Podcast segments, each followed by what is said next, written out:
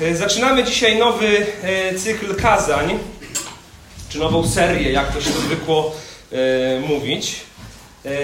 Serię, która będzie trwała do końca lutego, więc osiem takich kazań będziemy mieli. Będą to kazania z przypowieści Jezusa, zapisane w Ewangelii Łukasza. Więc rozpoczęliśmy Ewangelię Łukasza na początku Adwentu, w pierwszą niedzielę grudnia. E, więc trochę już o tej Ewangelii wiemy, wiemy do kogo była napisana, wiemy jaki był cel. E, e, poznaliśmy, myślę, że bardzo dobrze pierwsze dwa rozdziały tej Ewangelii. Łukasza, który przywiązuje ogromne detale do prawdziwości historii, które opisuje słów, które zawarł w swojej Ewangelii. Więc e, nie musimy za każdym razem właśnie robić tego kontekstu związanego z Ewangelią Łukasza, ale zanim przejdziemy do pierwszej z przypowieści, chcę zrobić kontekst dotyczący przypowieści i powiedzieć o tym, czym one są, czym one nie są, jak się, e, jak się do nich zabierać, dlaczego też wy, wy, wybrałem przypowieści właśnie jako, jako coś, co będziemy rozważać. Więc myślę, że nie będzie to jakimś nadwyrężeniem, jeśli powiem, że przypowieści Jezusa fascynują czytelników Biblii od prawie dwóch tysięcy lat. I y, postacie takie jak syn marnotrawny, miłosierny Samarytanin czy faryzeusz i celnik stały się na tyle dobrze, e, są na tyle ciekawe, że są dobrze znane nawet poza kościołem. Na lekcjach polskiego w szkole nawet się przerabia czasami przypowieści biblijne. Ja pamiętam, że, że przerabialiśmy. Y, ale jest też tak, jak, jak ze wszystkim, że nadmierna znajomość może e, prowadzić do e, braku zrozumienia znaczenia albo celu danych przypowieści. I przez to, że one są dla nas tak dobrze znane, tak powszechnie znane, myślę, że często jest dla nas dzisiaj trudno jest odtworzyć ten szok, czy zaskoczenie, czy czasami zniesmaczenie, jakie niektóre z historii Jezusa wywoływały, wy, wywoływały czy były, wywoływały właśnie te, te emocje u jego pierwotnych odbiorców. Ciężko nam dzisiaj wywołać ten szok, zniesmaczenie, zaskoczenie, a pierwotni odbiorcy, którzy słuchali tych przypowieści, właśnie, właśnie to e, często odczuwali. Przypowieści e, często polaryzowały tłumy. Jednych przybliżając do Jezusa, a innych wręcz przeciwnie, oddalając i chcieli go właśnie zostawić z powodu tego, co powiedział.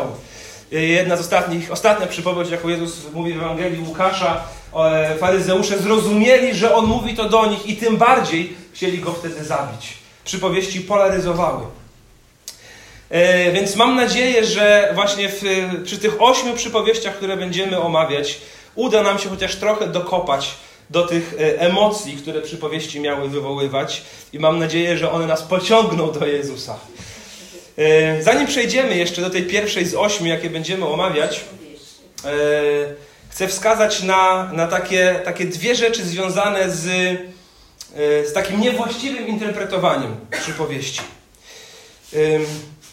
Zwięzła definicja przypowieści mówi tak, że jest to krótka, narracyjna jednostka literacka o charakterze metaforycznym.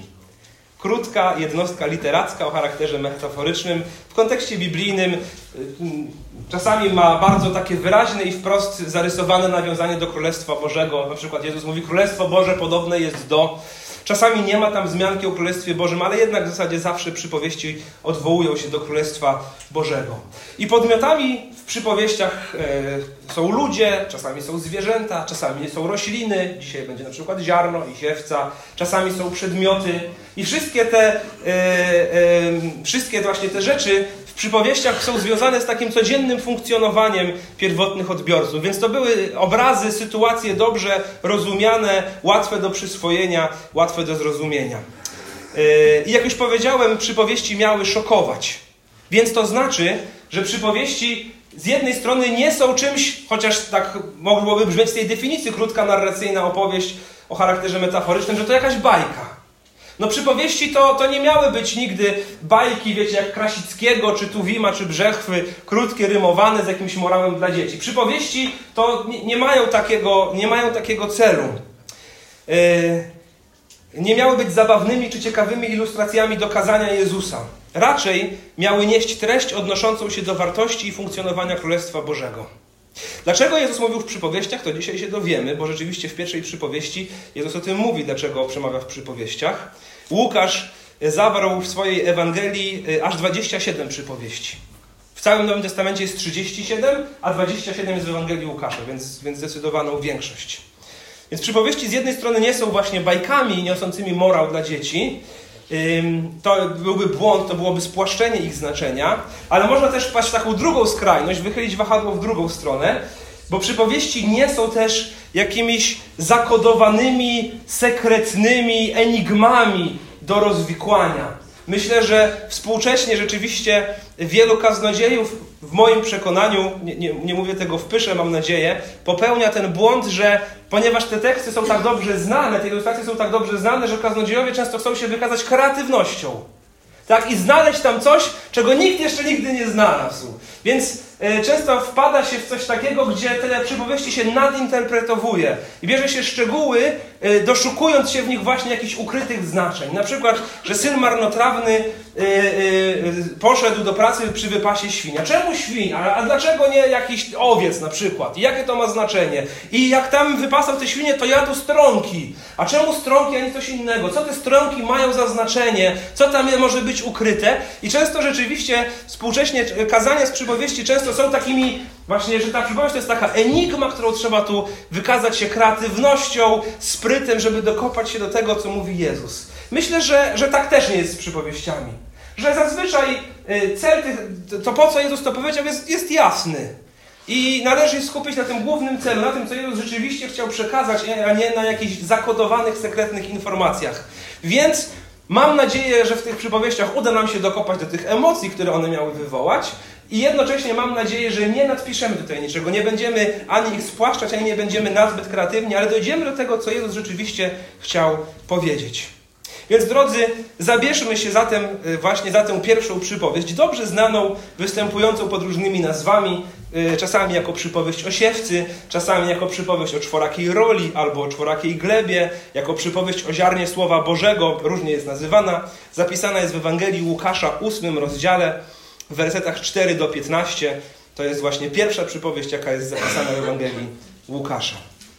Przeczytajmy ten tekst, e, a później w dalszej treści kazania będę mówił o kontekście e, i tym wszystkim właśnie, gdzie on się e, znajduje, jakie to ma znaczenie. Więc Ewangelia Łukasza 8, 4 do 15. Gdy gromadził się wielki tłum, ludzie bowiem z jednego miasta po drugim przychodzili do niego, opowiedział taką przypowieść. Pewien siewca wyszedł obsiać pole. W czasie siania niektóre ziarna padły na skraj drogi. Tam zostały podeptane i wyjedzone przez ptactwo polne. Inne padły na skałę, lecz ledwie wykiełkowały, uschły, gdyż nie miały wilgoci. Kolejne padły między ciernie, te razem z ziarnem wyrosły i zagłuszyły je, a jeszcze inne padły na żyzny grunt. Tam wyrosły i wydały stukrotny plon. To mówiąc, nawoływał, kto ma uszy, aby słuchać, niech rozważy moje słowa. Jego uczniowie zapytali go potem, co miała znaczyć ta przypowieść.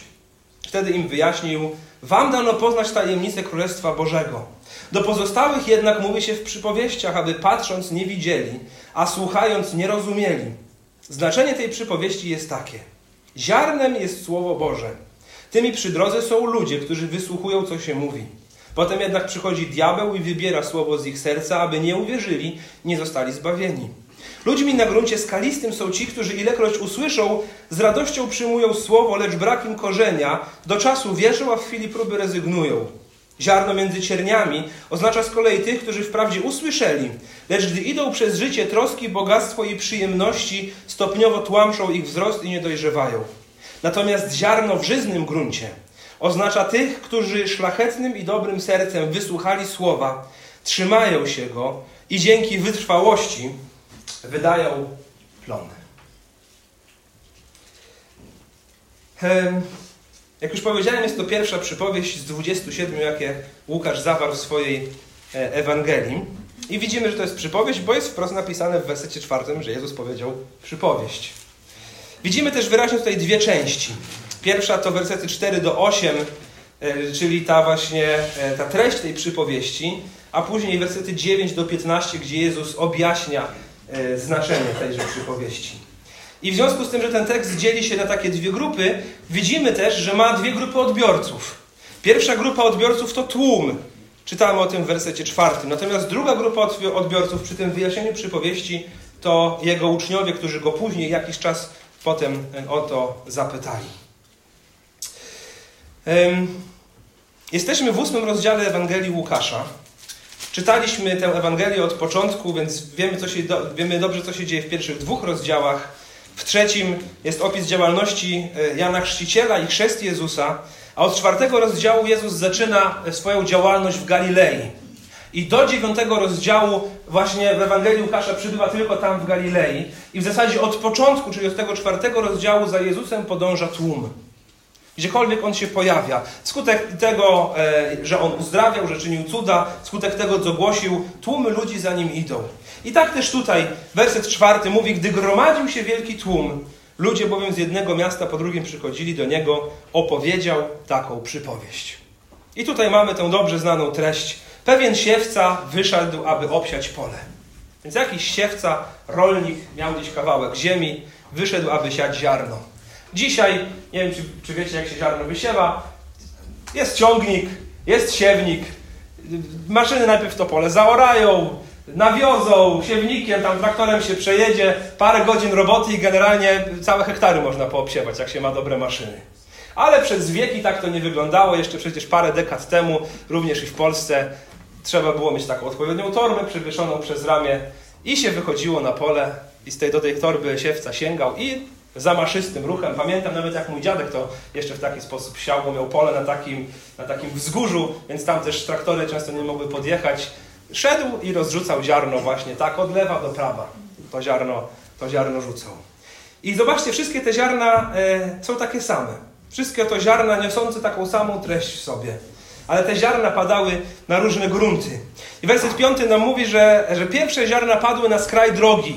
Więc gdzieś najwidoczniej koło tego pola zaoranego biegła jakaś droga, więc siewca rzucając e, między innymi rzucił na drogę. Droga była twarda, ubita, ktoś po niej chodził, więc przydeptano szybko to ziarno. E, jakie przydeptano z góry ptaki, gdzie się pewnie widziały, zleciały się e, i to, co było jeszcze widoczne w tej drodze, to, to wyjadły. Nic z tego ziarna nie zostało. Werset szósty mówi, że inne ziarna padły na skałę, lecz ledwie wykiełkowały, uschły, gdyż nie miały wilgoci. No, nie trzeba być yy, yy, biologiem, rolnikiem, żeby wiedzieć, że na kamieniu rzeczywiście nic tak samo z siebie dobrego nie wyrośnie, może mech tylko jakiś. Tutaj jednak coś wykiełkowało. Więc prawdopodobnie, y, jeśli ktoś z Was był w Izraelu, ja nie byłem, ale znał kogoś, kto był i opowiedział mi to i owo, y, czy widziałem na zdjęciach, wapień jest tam dosyć powszechny. Pewnie wiatr naniósł trochę ziemi właśnie na jakiś wapień, padło tam ziarno, może parę kropel wody się pojawiły, które to, to ziarno podlały.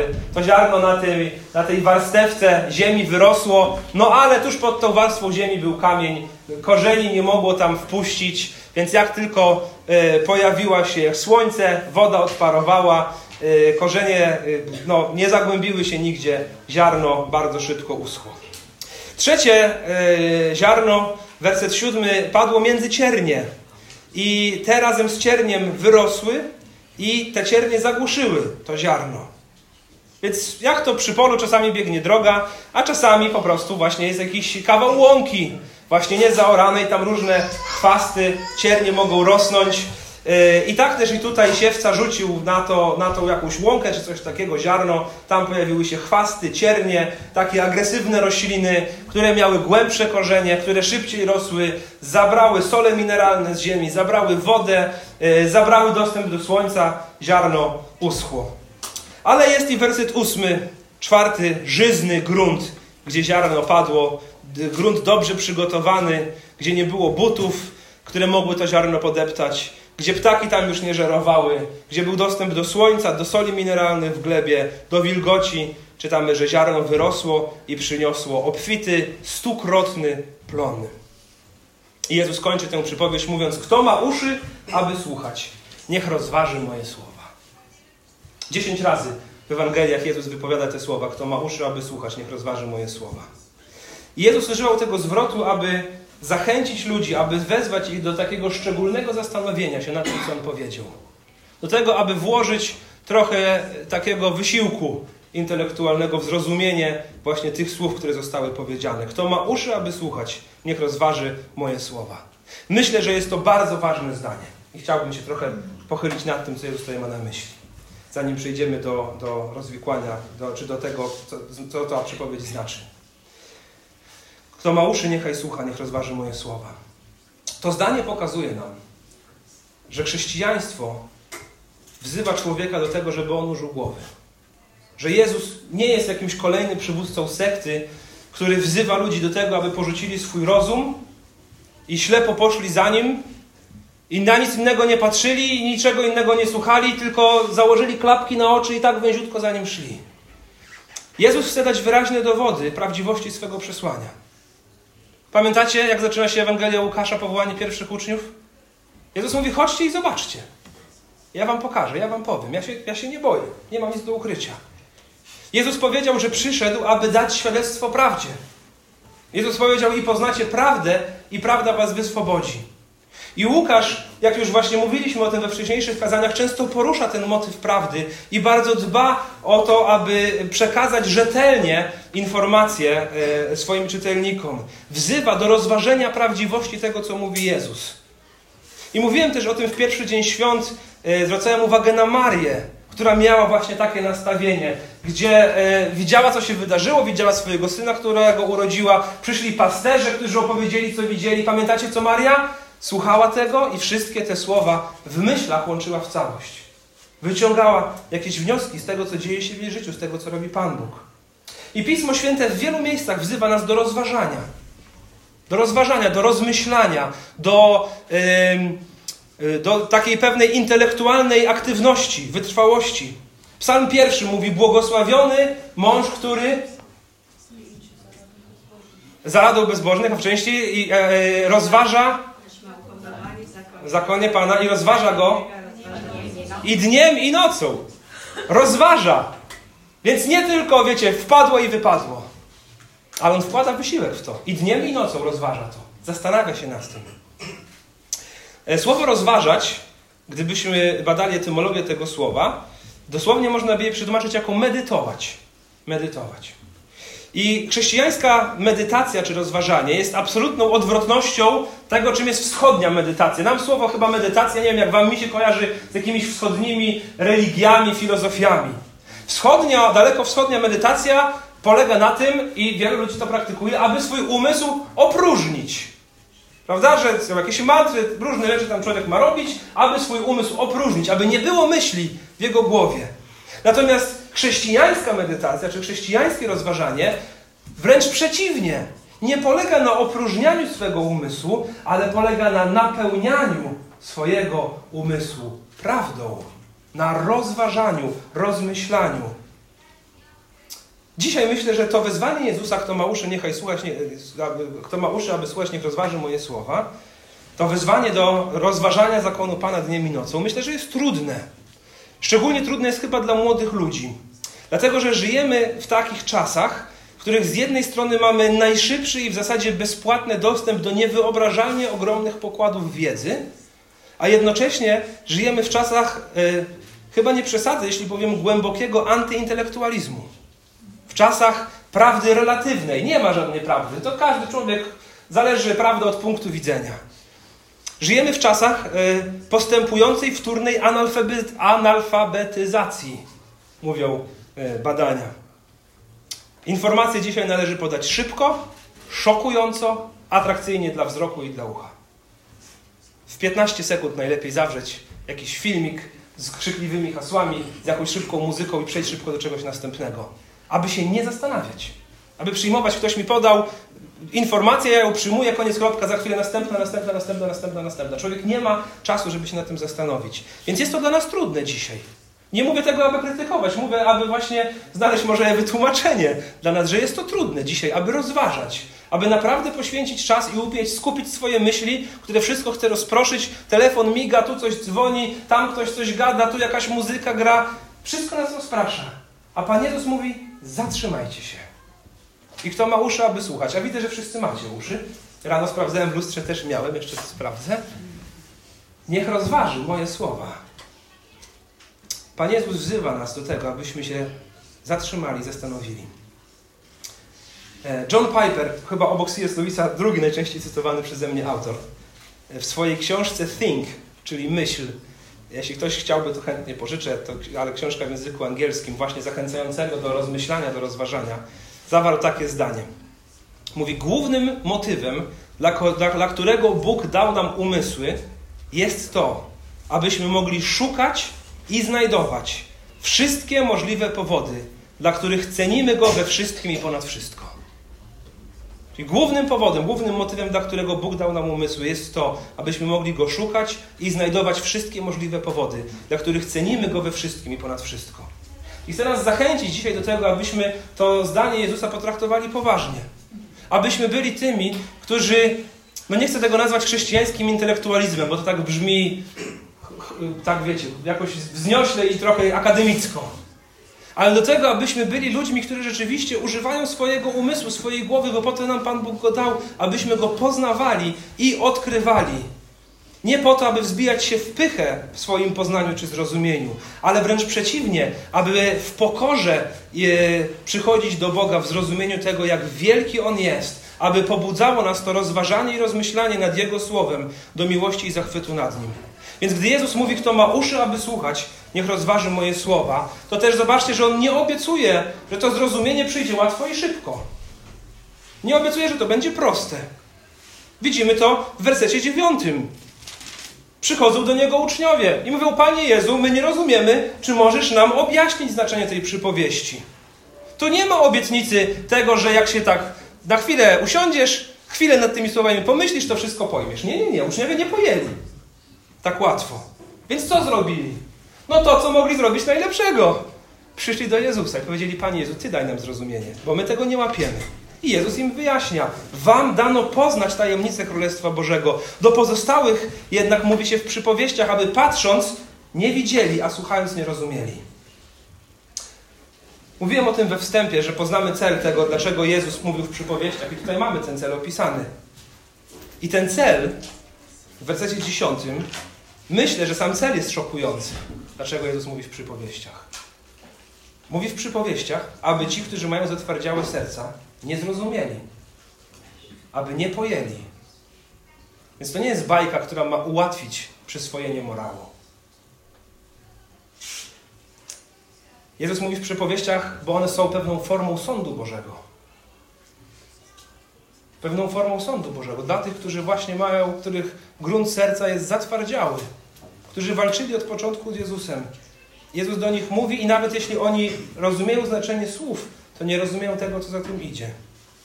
Bardzo podobnych słów użył Bóg, powołując proroka Izajasza, posyłając go. Mówiąc, idź do tego ludu Izraela i mów do nich, ale oni mają twarde karki, chociaż mają uszy, to nie słyszą, chociaż mają oczy, to nie widzą. I mów do nich i proroku im, ale oni się nie nawrócą. Więc to też była forma sądu Bożego. Więc zobaczcie, zrozumienie przypowieści i zrozumienie tajemnic Królestwa Bożego wcale nie jest zależne od tego, jak rozgarnięty intelektualnie jest człowiek. Jak wysokie ma IQ, jak łatwo potrafi łączyć fakty i wyciągać logiczne wnioski. Jezus mówi: Wam to jest dane poznać tajemnicę Królestwa Bożego. To jest łaska Boża, żebyście to pojęli. To Pan Bóg w swojej łasce się nad wami zmiłował, że dał wam to zrozumieć, dał wam to pojąć.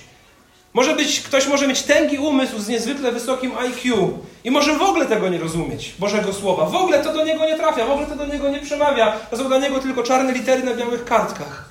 A może być człowiek bardzo prosty, który nie potrafi czytać, yy, nie, nie, nie skończył żadnej szkoły, w oczach tego świata może jest śmieszny i mały i prosty, a może pojąć najgłębsze tajemnice Królestwa Bożego.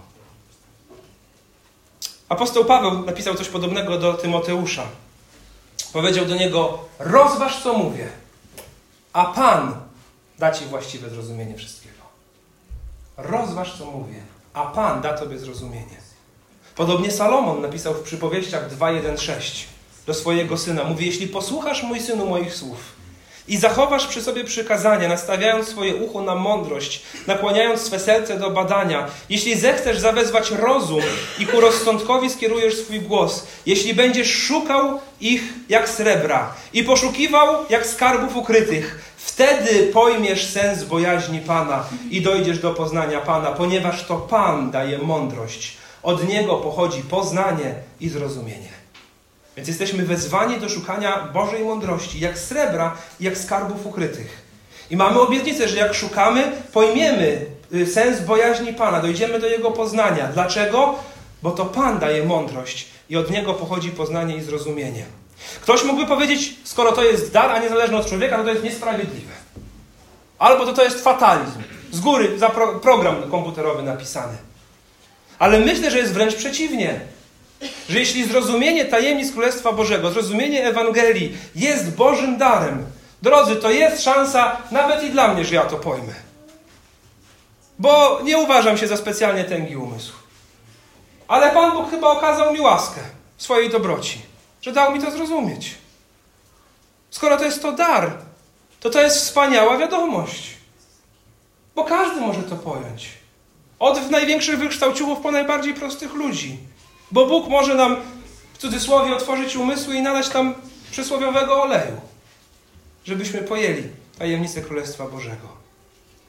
Dlatego tak ważne jest to wezwanie. Jeśli będziesz szukać tego jak srebra, dojdziesz do poznania Pana. A Pan Bóg nasz jest dobry i obdarza chętnie i bez wypominania, hojnie i bogato. Więc Jezus mówi, że im jest dane zrozumieć, uczniom jest dane zrozumieć tajemnicę Królestwa Bożego.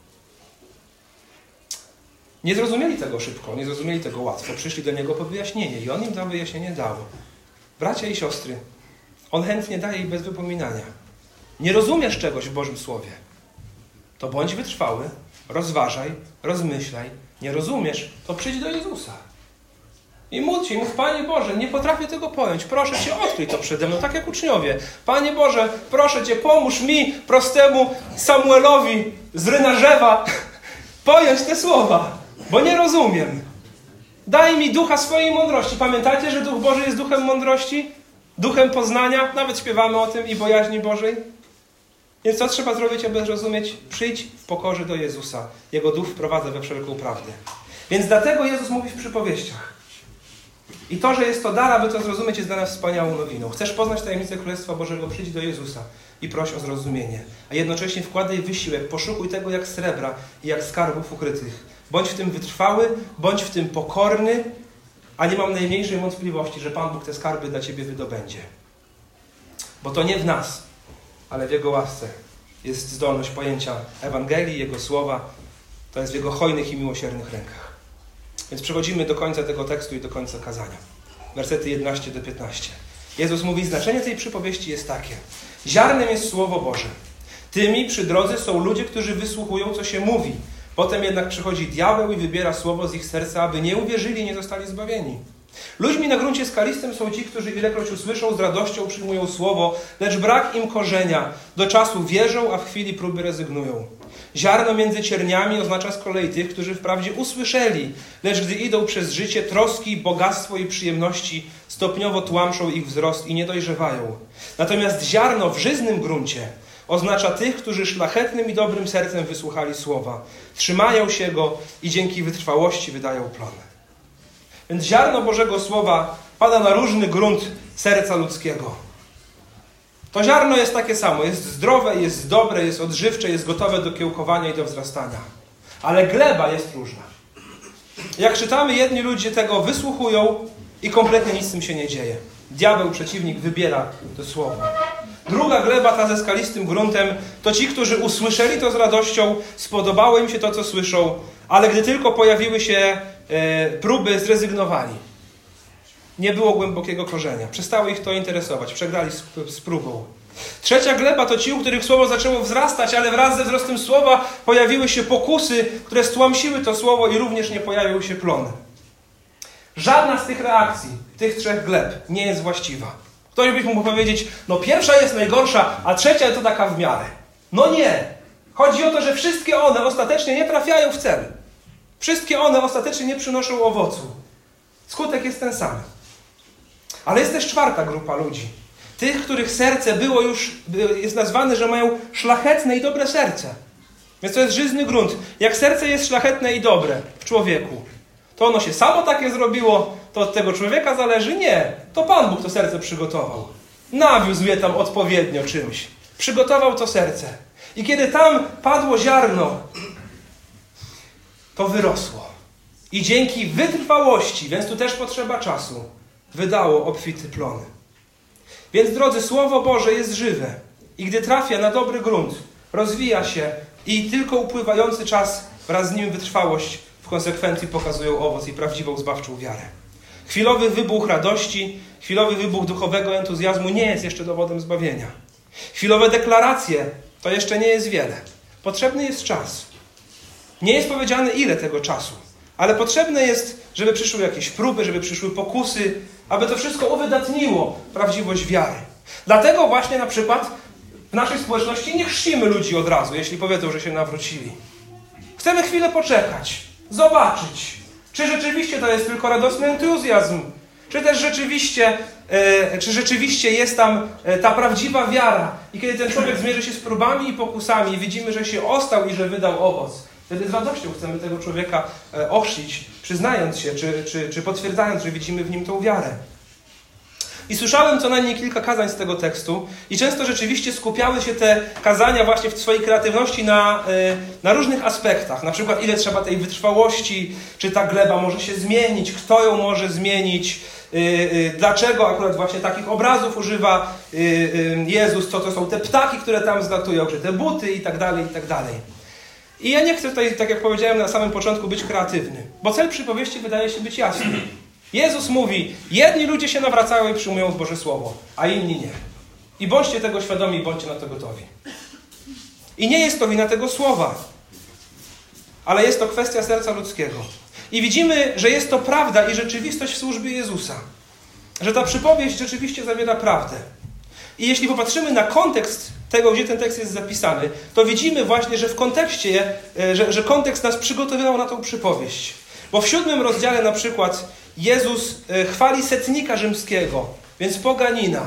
Wskazuje na tego poganina i mówi tak wielkiej wiary jak u niego, to ja nie znalazłem w całym Izraelu. Innymi słowy, można by to sparafrazować, żyzna tam była gleba. Ale zaraz potem mamy tutaj kwestię e, Jana Chrzciciela, I przy okazji Jana Chrzciciela tam się zawsze pojawiały faryzeusze. Jezus w 7.30 mówi, czytamy, faryzeusze jednak oraz znawcy prawa zlekceważyli Boży plan względem siebie i nie dali się przez niego zanurzyć. Skalisty tam musiał być jakiś grunt, albo w ogóle może droga. Pod koniec rozdziału 7 Jezus je posiłek u jednego z faryzeuszy. Więc skoro zaprosił Jezusa na obiad, no widocznie był czymś tam zainteresowany. Chciał w jakiś sposób Jezusa uhonorować, ugościć. Ale w czasie tego posiłku wchodzi tam kobieta słynąca w okolicy ze swojej grzeszności i namaszcza stopy Jezusa i wyciera je swoimi łzami. Kiedy ten posiłek się kończy, Jezus pokazuje kontrast między nimi. Do tej kobiety mówi: Wiara Twoja zbawiła Cię, idź w pokoju. A temu faryzeuszowi wytyka powierzchowność jego gościnności. Więc wszystko to są historie z życia Jezusa, tylko z siódmego rozdziału, gdzie widzimy, że rzeczywiście ta przypowieść mówi prawdę. Różnie to jest z człowiekiem.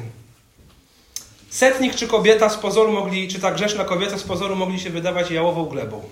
On poganin, ona znana grzesznica, a jednak dostąpili zbawienia.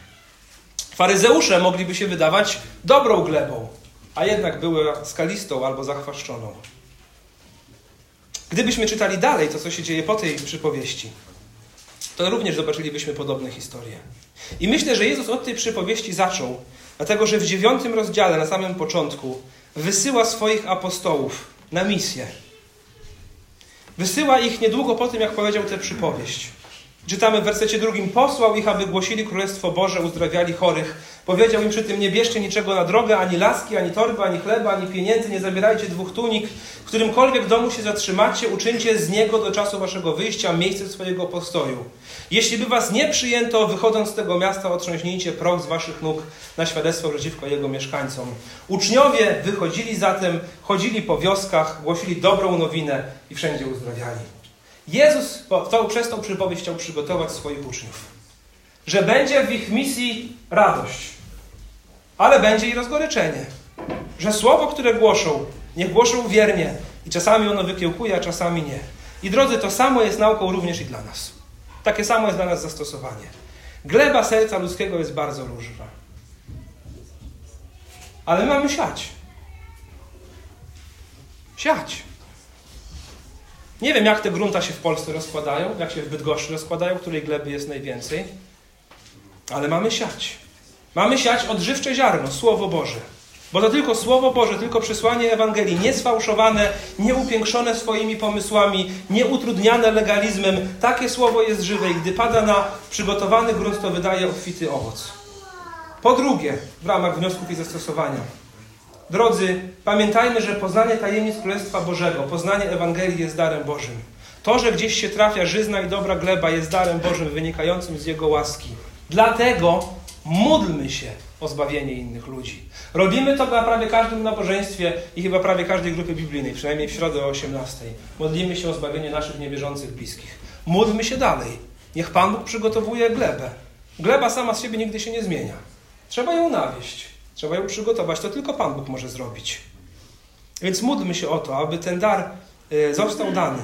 Tak jak nam, tak i wielu innym. Po trzecie, pamiętajmy, że owoc jest wynikiem wytrwałości. Jeśli gleba mojego serca, na które upadło ziarno, ma to ziarno przyjąć i ma przynieść owoc, to potrzeba wytrwałości, potrzeba czasu.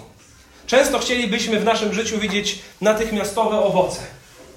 Natychmiastowe. Że nam łatwo przychodzi życie z Bogiem. Czasami czujemy się rozczarowani. Chciałbym już więcej wiedzieć, chciałbym więcej umieć, chciałbym łatwiej y, nauczyć się dzielić Ewangelią szybciej i tak dalej, i tak dalej. Spokojnie. To nie jest bajka o Jasiu i magicznej fasoli który wrzucił ją w ziemię, wiecie, i poszedł spać, rano się obudził, a tam fasola aż do nieba. To jest życie tutaj. Często te przypowieści właśnie nawiązują do rolnictwa, bo w rolnictwie trzeba się natrudzić. Trzeba w nawozem się e, zajmować.